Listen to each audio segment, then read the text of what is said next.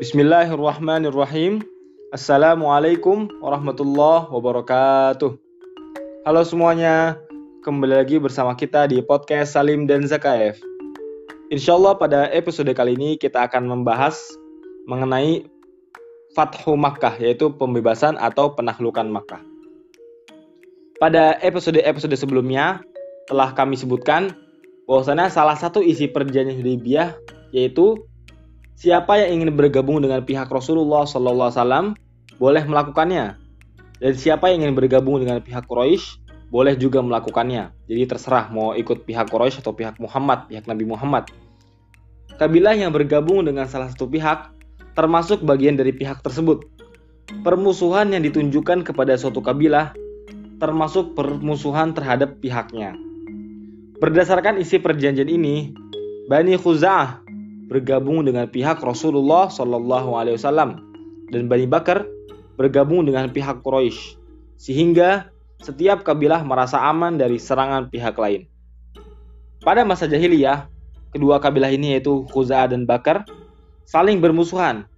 Setelah Islam datang dan terjadi gencatan Hudaybiyah ini, lalu setiap kabilah merasa aman dari serangan kabilah lain karena kan sudah bersekutu masing-masing. Maka kesempatan ini digunakan oleh Bani Bakar untuk melampiaskan dendam lama terhadap Bani Khuzah.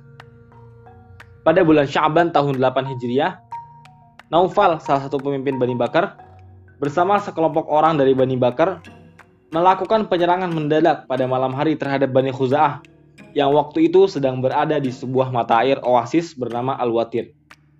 Bani Bakar berhasil membunuh beberapa orang dari Khuza'ah terjadilah pertempuran antara kedua suku tersebut.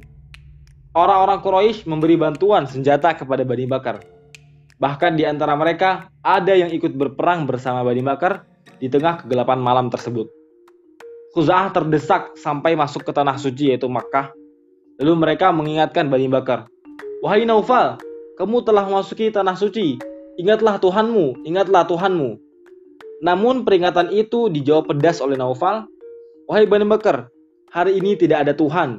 Lampiaskanlah dendam kalian. Kalian pasti melakukan pencurian di tanah suci. Lantas mengapa kalian tidak melampiaskan dendam kalian di tanah suci? Setelah memasuki Makkah, orang-orang Khuza'ah berlindung di bawah rumah Ibnu Warqa al-Khuzai dan rumah mantan budaknya yang bernama Rafi'. Amru bin Salim, salah seorang anggota dari Bani Khuza'ah, segera berangkat ke Madinah untuk menemui Rasulullah Shallallahu Alaihi Wasallam. Setelah tiba di sana, Amr bin Salim berdiri di hadapan Rasulullah Shallallahu Alaihi Wasallam yang sedang duduk di masjid di tengah-tengah kaum muslimin. Setelah bertemu, mereka mengabarkan kepada beliau tentang orang-orang Khuza'ah yang telah dibunuh oleh orang-orang Quraisy, oleh orang-orang Bani Bakar maksudnya, dan bantuan Quraisy kepada Bani Bakar dalam menghadapi mereka. Setelah itu, mereka yaitu orang-orang Khuza'ah tadi kembali ke Makkah. Tidak diragukan lagi bahwa apa yang dilakukan oleh orang-orang Quraisy dan sekutu-sekutunya merupakan pengkhianatan dan pelanggaran yang jelas terhadap perjanjian dan tidak dapat ditolerir lagi. Oleh karena itu, Quraisy segera menyadari pengkhianatan tersebut, bahkan merasa khawatir terhadap akibat buruknya. Mereka mengadakan musyawarah dan mengambil keputusan untuk mengirimkan wakil mereka yaitu Abu Sufyan untuk memperbarui perjanjian. Rasulullah Shallallahu Alaihi Wasallam mengabarkan kepada para sahabatnya tentang apa yang akan dilakukan oleh orang-orang Quraisy terhadap pengkhianatan mereka. Beliau berkata, sepertinya Abu Sufyan akan mendatangi kalian untuk mengikat kembali perjanjian dan menambah temponya. Abu Sufyan pun berangkat ke Madinah, sesuai dengan keputusan yang ditetapkan oleh Quraisy. Di Asfan, sebuah tempat di pinggiran Madinah, dia bertemu dengan Budail bin Warqa yang sedang pulang dari Madinah menuju Makkah. Budail ini salah seorang anggota dari Bani Khuza'ah yang tadinya bertemu dengan Rasulullah SAW. Abu Sufyan bertanya, Budail, dari mana kamu? Abu Sufyan yakin bahwa Budail telah menemui Rasulullah SAW, namun Budail berbohong kepada Abu Sufyan. Budail menjawab, aku bersama beberapa orang Khuza'ah baru datang dari pantai, dari arah pantai maksudnya, dan lembah itu. Tidakkah kamu menemui Muhammad? Tidak, jawab Budail. Setelah Budail berangkat ke Makkah, Abu Sufyan berkata, jika dia datang dari Madinah, pasti telah memberi makan onta-ontanya dengan biji-bijian. Abu Sufyan kemudian mendatangi tempat mendirumnya unta Budail, mengambil kotoran dan memeriksanya. Dia melihat biji-bijian di dalam kotoran tersebut. Lalu berkata, saya bersumpah kepada Allah, Budail pasti telah mendatangi Muhammad. Abu Sufyan pun tiba di Madinah, lalu mendatangi putrinya yaitu Ummu Habibah yang waktu itu telah menjadi istri Rasulullah SAW.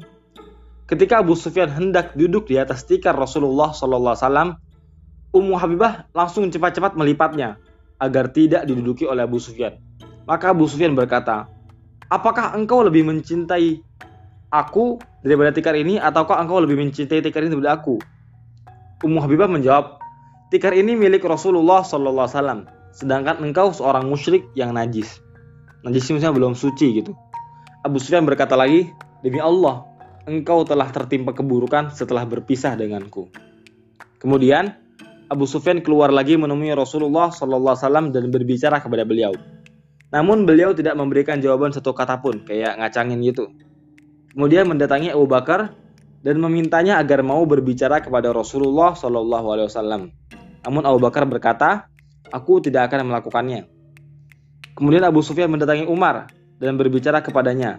Namun Umar menjawab, kamu kira aku mau menjadi perantaramu berbicara dengan Rasulullah SAW? Demi Allah, Sekalipun aku hanya mendapatkan debu, itu pun akan kugunakan untuk memerangi kamu. Kemudian Abu Sufyan menemui Ali bin Abi Thalib. Ketika itu, di sisi Ali ada Fatimah dan Hasan yang sedang merangkak. Abu Sufyan berkata, Wahai Ali, engkau adalah orang yang paling dekat hubungan kekerabatannya denganku. Aku datang untuk suatu keperluan, dan aku tidak ingin kembali dengan tangan hampa. Maka bantulah aku untuk berbicara kepada Muhammad. Ali menjawab, Wahai Abu Sufyan, Rasulullah Wasallam telah menetapkan suatu hal dan kamu tidak dapat mempengaruhinya lagi. Abu Sufyan lalu berpaling kepada Fatimah dan berkata, Sudikah engkau menyuruh anakmu ini untuk menjadi pelindung di hadapan orang-orang sehingga ia akan menjadi pemimpin Arab sepanjang masa?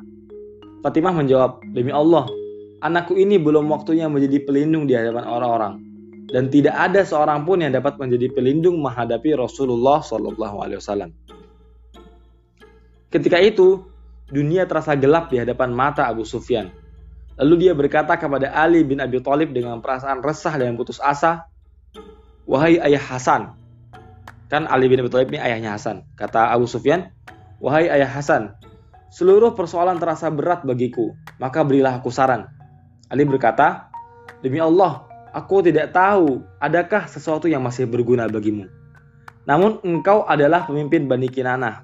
Maka bangkitlah dan berikan perlindungan di hadapan orang-orang. Lalu kembalilah ke tempatmu.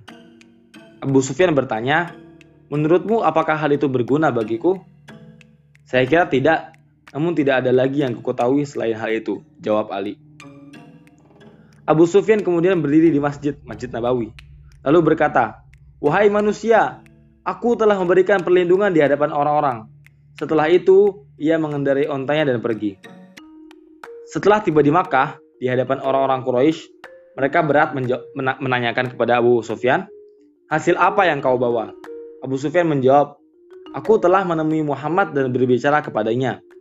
Namun dia tidak memberikan jawaban satu kata pun. Kemudian, aku menemui Abu Kuhafah, Abu Bakar. Aku mendatangi Umar bin Khattab dan pada keduanya mereka juga tidak memberikan bantuan. Lalu aku menemui Ali dan kudapati ia adalah orang yang paling lembut. Dia telah memberikan saran kepadaku dan telah kulakukan. Namun aku tidak tahu apakah hal itu berguna atau ataukah tidak. Mereka bertanya lagi, saran apa yang dia berikan kepadamu? Abu Sufyan menjawab, dia menyarankan aku agar memberikan perlindungan di hadapan orang-orang dan telah kulakukan barusan. Mereka bertanya, apakah hal itu seizin Muhammad? Tidak, jawab Abu Sufyan. Mereka berkata lagi, celakalah engkau. Orang ini telah mempermainkan dirimu. Demi Allah, hanya itu yang dapat kulakukan, kata Abu Sufyan. Untuk selanjutnya, akan dilanjutkan oleh Abu. Silahkan, Bo. Oke, Pi, aneh lanjutin berdasarkan riwayat atau broni tiga hari sebelum ada kabar bahwasanya pelanggaran perjanjian atau pengkhianatan oleh pihak Quraisy, Rasulullah Wasallam telah memerintahkan Aisyah untuk mempersiapkan peralatan-peralatan peralatan perang ya bagi Rasulullah Shallallahu Alaihi Wasallam. Dan tak ada seorang pun yang tahu maksud dari Rasulullah Shallallahu Alaihi Wasallam menyiapkan peralatan-peralatan ini untuk apa. Abu Bakar bahkan Aisyah sendiri pun tidak tahu. Dan akhirnya orang-orang tahu ketika pada hari ketiga uh, Amr bin Salim al Khuzai datang da lalu ada Budail datang dan juga ada Abu Sufyan datang. Nah ketika itu orang-orang tahu dan yakin bahwasannya kabar pengkhianatan yang dilakukan oleh Quraisy ini adalah suatu hal yang benar. Maka setelah itu Rasulullah Wasallam memerintahkan agar kaum muslimin semuanya melakukan persiapan dan memberitahukan bahwasannya keberangkatan adalah menuju Makkah. Dan Rasulullah Shallallahu Alaihi Wasallam bersabda, Ya Allah, buatlah Quraisy tidak melihat dan tidak mendengar kabar aku tiba di sana secara tiba-tiba. Dan untuk lebih menjaga misi uh, rahasia ini atau menjaga kerahasiaan misi ini, Rasulullah Shallallahu Alaihi Wasallam mengutus uh, sebuah satuan pasukan sebanyak 80 orang yang dipimpin oleh Abu Qatadah bin Robi dan ini menuju suatu perkampungan yang terletak antara Dhu Khasyab dan Dzul Marwah pada bulan awal pada awal bulan Ramadan tahun 8 Hijriah.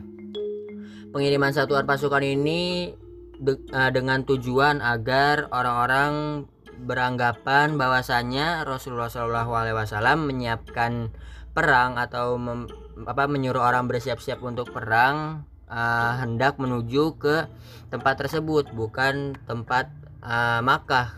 Karena kan sebelumnya orang-orang Mekah khawatir Rasulullah Shallallahu Alaihi Wasallam melakukan pembalasan atas pengkhianatan yang dilakukan oleh orang-orang Quraisy dan mereka ini juga telah diperintahkan untuk menyiarkan kabar tentang satuan pasukan yang berisi 80 orang tadi yang dipimpin oleh Abu Qatadah.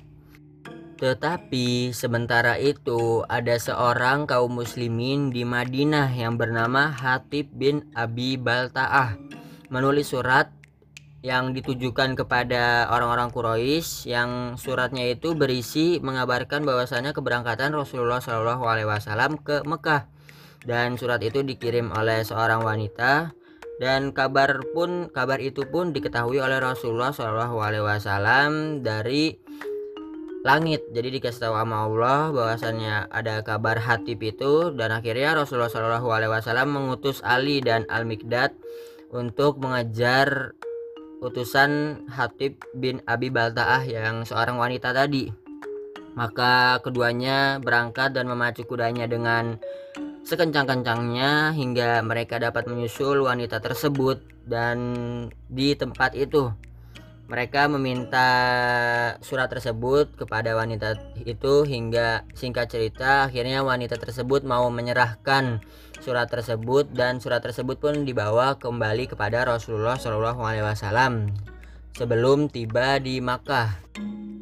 Lalu setelah itu Rasulullah Shallallahu Alaihi Wasallam menanyakan perihal surat tersebut kepada Hatib dan Hatib menjawab bahwasanya dia masih mempunyai kerabat dan sanak saudara yang tidak bisa dilindungi di Makkah. Lalu setelah itu singkat cerita lagi Rasulullah Shallallahu Alaihi Wasallam memaafkan karena Hatib ini adalah seorang veteran perang Badar.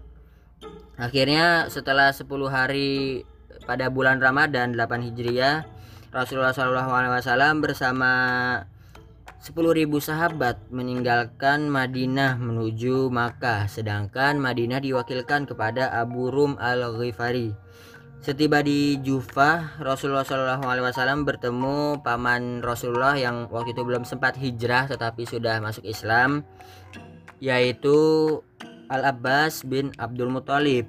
Lalu ketika Rasulullah Wasallam tiba di Al Abwa, Rasulullah bertemu dengan anak paman beliau yaitu Abu Sufyan bin Al Harith. Perlu diketahui Abu Sufyan bin Al Harith ini ketika Rasulullah SAW dulu di Makkah termasuk salah satu orang yang paling gencar memusuhi dakwah Rasulullah SAW. Dan ketika itu Abu Sufyan bin Al Harith dan anak bibi Rasulullah yaitu Abdullah bin Umayyah datang ke Rasulullah SAW. Tetapi Rasulullah menolak untuk bertemu dengan mereka. Lalu Ali bin Abi Thalib memberi saran kepada Abu Sufyan bin Al Harith agar bisa bertemu dengan Rasulullah SAW dan akhirnya Abu Sufyan melaksanakan saran dari Ali ini dan akhirnya Rasulullah SAW mau bertemu dengan Abu Sufyan. Perihal dengan Abu Sufyan ini setelah masuk Islam Abu Sufyan bin Al Harith ini benar-benar menjadi baik dan ketika itu ada yang berkata se sejak masuk Islam hampir dia tidak berani mengangkat muka di hadapan Rasulullah Shallallahu Alaihi Wasallam karena malu terhadap beliau dan Rasulullah Shallallahu Alaihi Wasallam sendiri pun sangat mencintai Abu Sufyan dan memberikan kesaksian bahwa dia akan masuk surga. Nah jadi episode kali ini sampai segini dulu. Kurang lebihnya mohon maaf. Barakallahu fiq. Jangan lupa ditunggu episode selanjutnya dan didengerin episode-episode sebelumnya. Kurang lebihnya mohon maaf. Wassalamualaikum warahmatullahi wabarakatuh. See you goodbye.